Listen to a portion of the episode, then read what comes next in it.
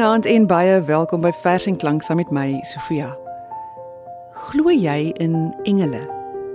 Of dalk moet ek eerder vra, glo jy nog in engele? Want almal van ons het seker in 'n stadium geglo hulle bestaan. Veral kinders twyfel mos glad nie daarin nie. Maar soos ons ouer raak, begin ons dinge bevraagteken en ons maak al hoe meer staat op slegs dit wat ons sintuie kan waarneem en ons verstand kan uitredeneer. En dan verdwyn baie van die buitengewone en misterieuse en vertroostende dinge uit die lewe.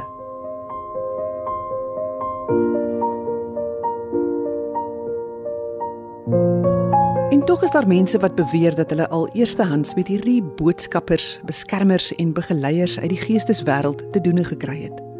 Party sal jou vertel dat 'n engel as 'n sigbare gedaante aan hulle verskyn het. Ander praat weer van 'n gevoelendheid van hoe hulle bewus geword het van 'n teenwoordigheid, veral in 'n oomblik toe hulle werklik in lewensgevaar was.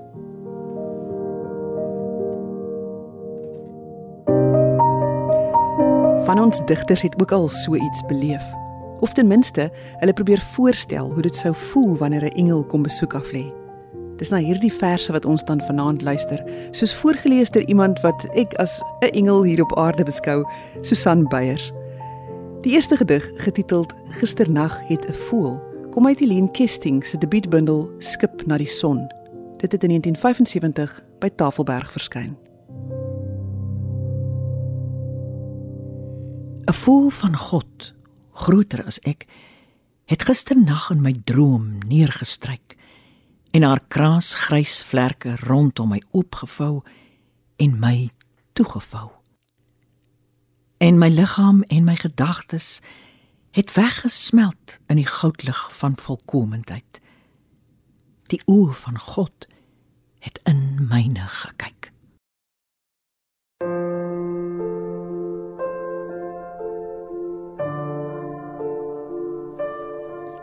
Die wag deur Barend Jeturin uit 'n plek op die land Catskill verse uitgegee deur Iman en Rousseau 1985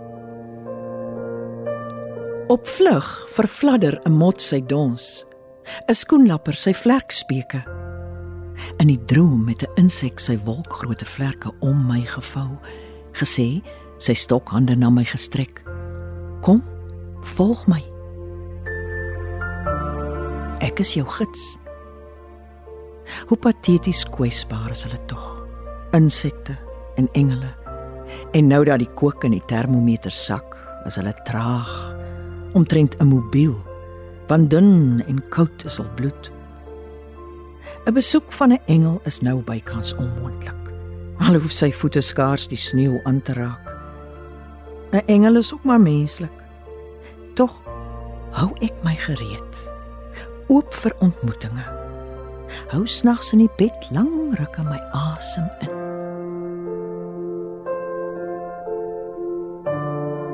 Die dodes is weer iets anders. Hulle is al om. Die nag lê dik van hul ou asems. Hulle is glo vervlenterde motte afgedwaal van 'n liggame wat nou weer 'n warm liggaam soek. 'n Spookstorie.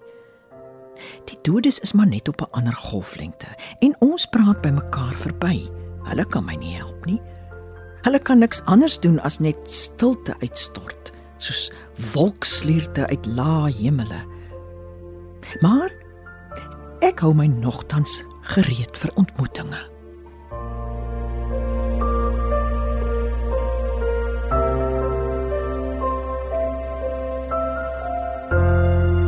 Die besoek deur Johan Lodewyk Maree uit by die dinge uitgegee deur Human en Rousseau 1989.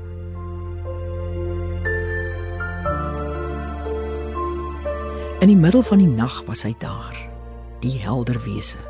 Daar reg voor my bed. Asof ek in die dag of in die aand nie die voor of agterdeur sou oopmaak as hy klop nie. Hom soos 'n vreemdeling sou wegstuur as hy sy hand na my reik. Oorstuur oor nog een wat kos of water kom vra en my op my erf lastig val.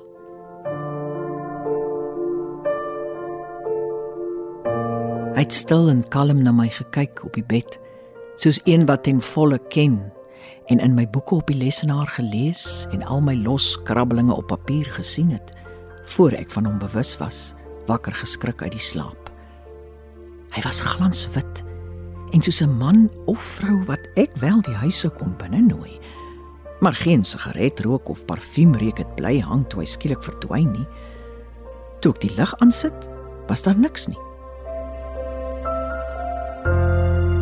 Daarna het ek hom of sy gesant nie weer voor die deur of op straat herken nie. Selfs nie eens in my naaste naaste nie. Tog kan ek hom nou 'n gedig aanbied. Ek sê: "Ja, my besoeker, ek erken jou bestaan. Jy het myself kom besoek.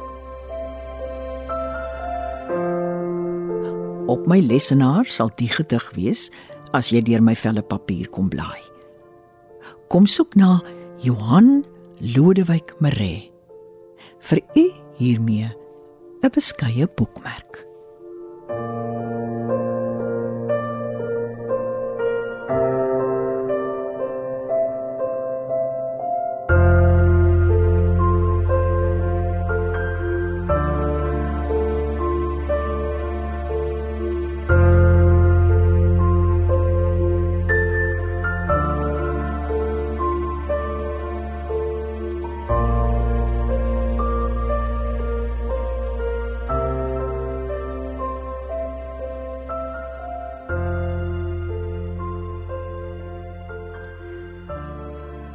Die volgende gedig deur Fanny Olivier is opgedra aan Wyle Charles Fryer wat vir baie jare die letterkundige hoofredakteur by Tafelberg Uitgewers was.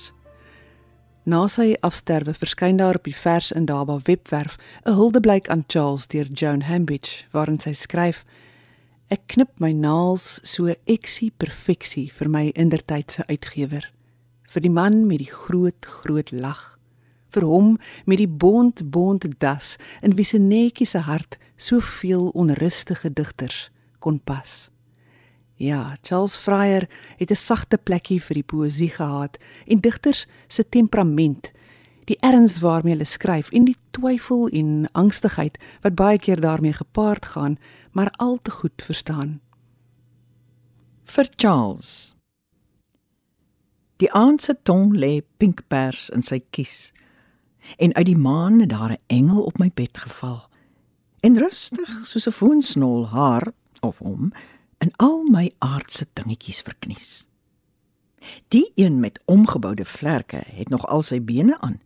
Sy hare was miskien 'n bietjie lank en ek moes skielik uitbars van die lag toe ek besef 'n permissiewe klank het dalk die ander ryk daar iewers ook op hol. Dit het die ouetjie dadelik teruggeskrik. Hy het my skinkie dop belief bedank en kriebelrig gewag dat ek my glasie rooiwyn klaar moes sluk. Ek laat my deur geen engel aanjaag nie. En hy moes eers voor ek veel ligter neersak in my oopsit stoel 'n kenners proe en spoeg verduur. Toe het hy opgewonde opgespring en my vertel: "Jou lewe sal nou telkens doelgerigter bly verander en jy sal soos 'n geniale sot aanhoudend rekenskap wil gee van hierdie spel. Ek bring vir jou ook so 'n stukkie klip. God het die kode boodskap daarmee saamgestuur." Ek sal hom wat ek kies 'n spierwit keursteen gee met op die steen 'n nuwe naam en rang geskryf wat niemand ken behalwe daardie een wat dit nog onbegrypend van 'n engel sal ontvang. Die klippie het hy in my hand gelos en weggekaats terwyl ek in die spieël besef my oë en my tong is skoon melaats. Ek het uitgestel en uitgestel in vrees tot ek vanmôre kyk en op die wit klip digter lees. Die volgende twee verse het ek gevind in De Waal Venter se bundel Oop Sirkel in 2017 uitgegee deur Naledi. Weens 'n tydelike spirituele 404 fout, moes die engel vir 'n ruk as 'n gewone man tussen die mense lewe. Dit was moeilik om sy vlerke weg te steek en hy dikwels benoud en ongemaklik gevoel na 'n dag met weggesteekte vlerke en dit het hom taamlik omgekrap. Maar het hy homself met 'n moe glimlag herinner, engele mag nie knorrig wees nie. Hy het sy oë dan maar opgeslaan en sy bediende vergewe dat sy die oopboek Die soeke na spirituele volmaaktheid deur Swami Padadardar toegemaak het en op die rak neergesit het langs seksuele gebruike in die 70's. Op 'n nag kry die engel besoek van 'n senior engel reg uit die hemel. Ons engel moes sy oë beskerm, want hy was nie meer gewoond aan heilige lig nie.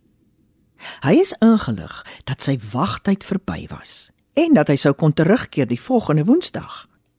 Na rukkie dink, sê die engel toe dat hy so geheg geraak het aan die genietinge van woede, die teëspoede van persoonlike liefde, die onsekerhede van besluiteloosheid, die pyne van verlies en die bittersoet van verlang, dat hy verkies om nie terug te gaan nie. Dan sal jy 'n sterfling word, sê die senior engel. Ons engel knik plegtig sy kop. Daardie nag het hy heerlik gemaklik geslaap sonder vlerke. Om 'n engel te word is 'n hele gedoente. Ek sal waarskynlik die drang voel om op die kerktoring af te duik en die duwe te verskrik. Dalk jaag ek agter die swaals aan met 'n oop mond en skreeu: "Ja!" Terwyl ek insekte insluk so ver ek vlieg. Ek sal nie verbaas wees dat ek bo kan die verkeer sal sweef en bolle kougom sal vassit aan die lugdrade van daardie stoute motoriste wat aanhoudend ander mense se veiligheidsgapings opslurp nie. Daardie nag sal ek dalk amper geluidloos rondflap om die wit blomme en kyk hoe die motte wolke bleek stuifmeel opfladder. Dan sal ek waarskynlik besef dat ek baie moontlike paar reëls oortree het en dat dit beter sal wees as ek my plek gaan inneem heel aan die onderpunt van enige iets weet. Die Afrikaanse digter wat sekerlik die meeste oor engele gedink en gedig het, was Sheila Cousins. Sy was pal in verwondering oor die goddelike en sy het in al haar bundels uiting gegee aan haar hinkering na 'n ervaring van en 'n verbintenis met die mistieke. In laasweek se vers en klank het ons na voorlesings uit Cousins se debuut Plektrum geluister en juis oor hierdie deurlopende engel tema gesels. Gaan luister gerus na die potgooi op RSG se webwerf indien jy die program misgeloop het. Daar is 'n hele paar van Cousins se engelgedigte wat Susan nou nou vir ons gaan voorlees, maar ek wil jou ietsie oor die eerste een van die verse vertel. In Plektrum is daar 'n gedig getiteld Laat Engel waarin Cousins tydens 'n winter in Nederland beskryf hoe sy danksy 'n sesde sintuig die spore van 'n engel wat kom besoek af lê het oral raak sien in die tekens van die seisoen tot in die vrommels van die vel in haar handpalm. En dan, byna 'n dekade later, skryf sy verder aan die gedig in haar bundel Die sagte sprong. In lyne van my hand lê skerp die spore van sy gang het ek by yskrissante aan 'n ruit een skitterende winter in Holland van 'n engel opgemerk. En toe, waar ons later aan tafel gesels en beduie sê Henny met eens: "Kyk, daar loop nou net een oor jou duim." Ek is met hulle behep van ek my kan onthou. En al het hulle wonderlike vlerke soos die yskrissante al lank ontdooi, herken ek hulle besoeke nog aan die vuurvliegies in my brein.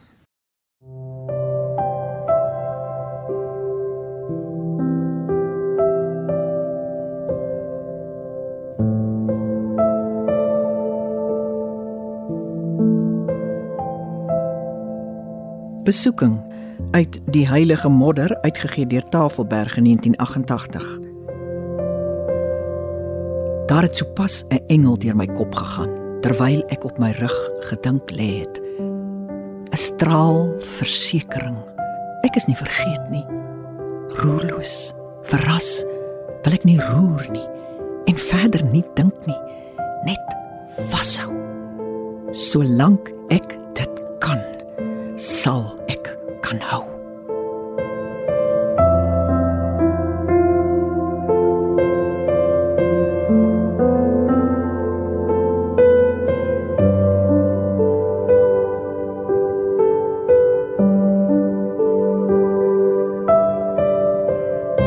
Die ronde kelk uit naskrif. 'n Engel kom in 'n stelling voor. Ek het sending van volk van wêreld. Toe neem hy my wyn en gooi dit uit. Dit was nie wat wonders nie en skink my glas vol uit 'n wynsak en sê: "Oud en nuut en die beste jaar te wete eerste heilige nagmaal." As jy weer huis toe skryf, herinner hulle aan wat Petrus verneem het. Noem niks wat ek geskep het onrein nie. Jou mense behoort die Ou Testament iets minder te lees en die Nuwe veel meer.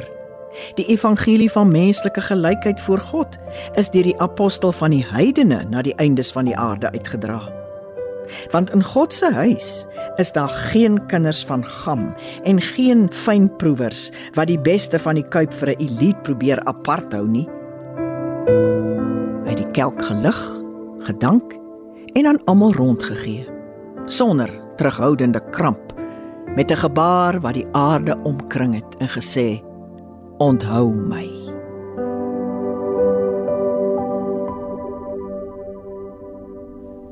Besoek uit die swart kombuis 1978 Ek is Abel sê hy en kruis sy bene op die voetenend van my bed en neem 'n sigaret. Die oë van 'n renjaer, 'n loods, 'n matroos, blink en grys so silwer. Sy blik trek 'n boog deur die kamer, die duik van 'n hawik. Ek dog ek sou net inloer. Jy kwel jou te veel oor sondes. My poging om die fout ongedaan te maak is vroeg al die nek ingeslaan. Die arme ou was tot barstens toe vol. Ek bak altyd witbroodjies en hy, die ou baas, hou van my syne brand aan. Dit stem tot wrevel as die rook van jou versigtige offers gedurig neerslaan. Sien my asseblief nie aan vir die ewige gebene duide slagoffer nie. Ek was nie bietjie wys nie is nie. sien hom aan. En ek weet jy bejammer Iskariot. As die ander daans, die misbedeeldes wat lelik buite die groot daan staan as ons rinkink met ons charme wat selfs die moeder van God om die pinkie kan draai. En om ek mos oom is, speel ek poker met sy delinkwentjies en pleit vir hulle in die hof. En ja, ry soms saam met pilote wat waak oor 'n wye met olyfbeloofde land. Daar sal maar altyd 'n Joodse boerseun wees om hand by te sit. Wat hou van vlerke en vaart, 'n soort engelfiksasie. Lief, die Here God self jubel en met die duik van 'n hawik is hy af van my bed en uit by die deur.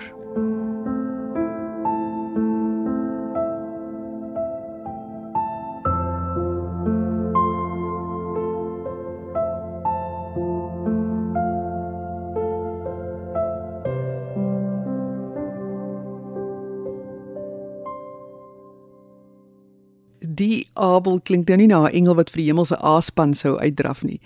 Maar alle engele is sekerlik nie goed nie. Daar is tog ook die idee van gevalle of bose engele. Die duiwel selfs was immers op sy dag 'n engel. Ook oor hierdie soort het Cousins 'n gedig geskryf. Die duiwel praat Engels uit die sagte sprong 1979. Ek weet die duiwel praat Engels, want as ek wil praat met u, val hy my in die rede met That's right. That's right. Come on to me. En toe ek gister in 'n gedig na gevalle engele verwys, sê hy met die eisigste glimlaggie, "No really.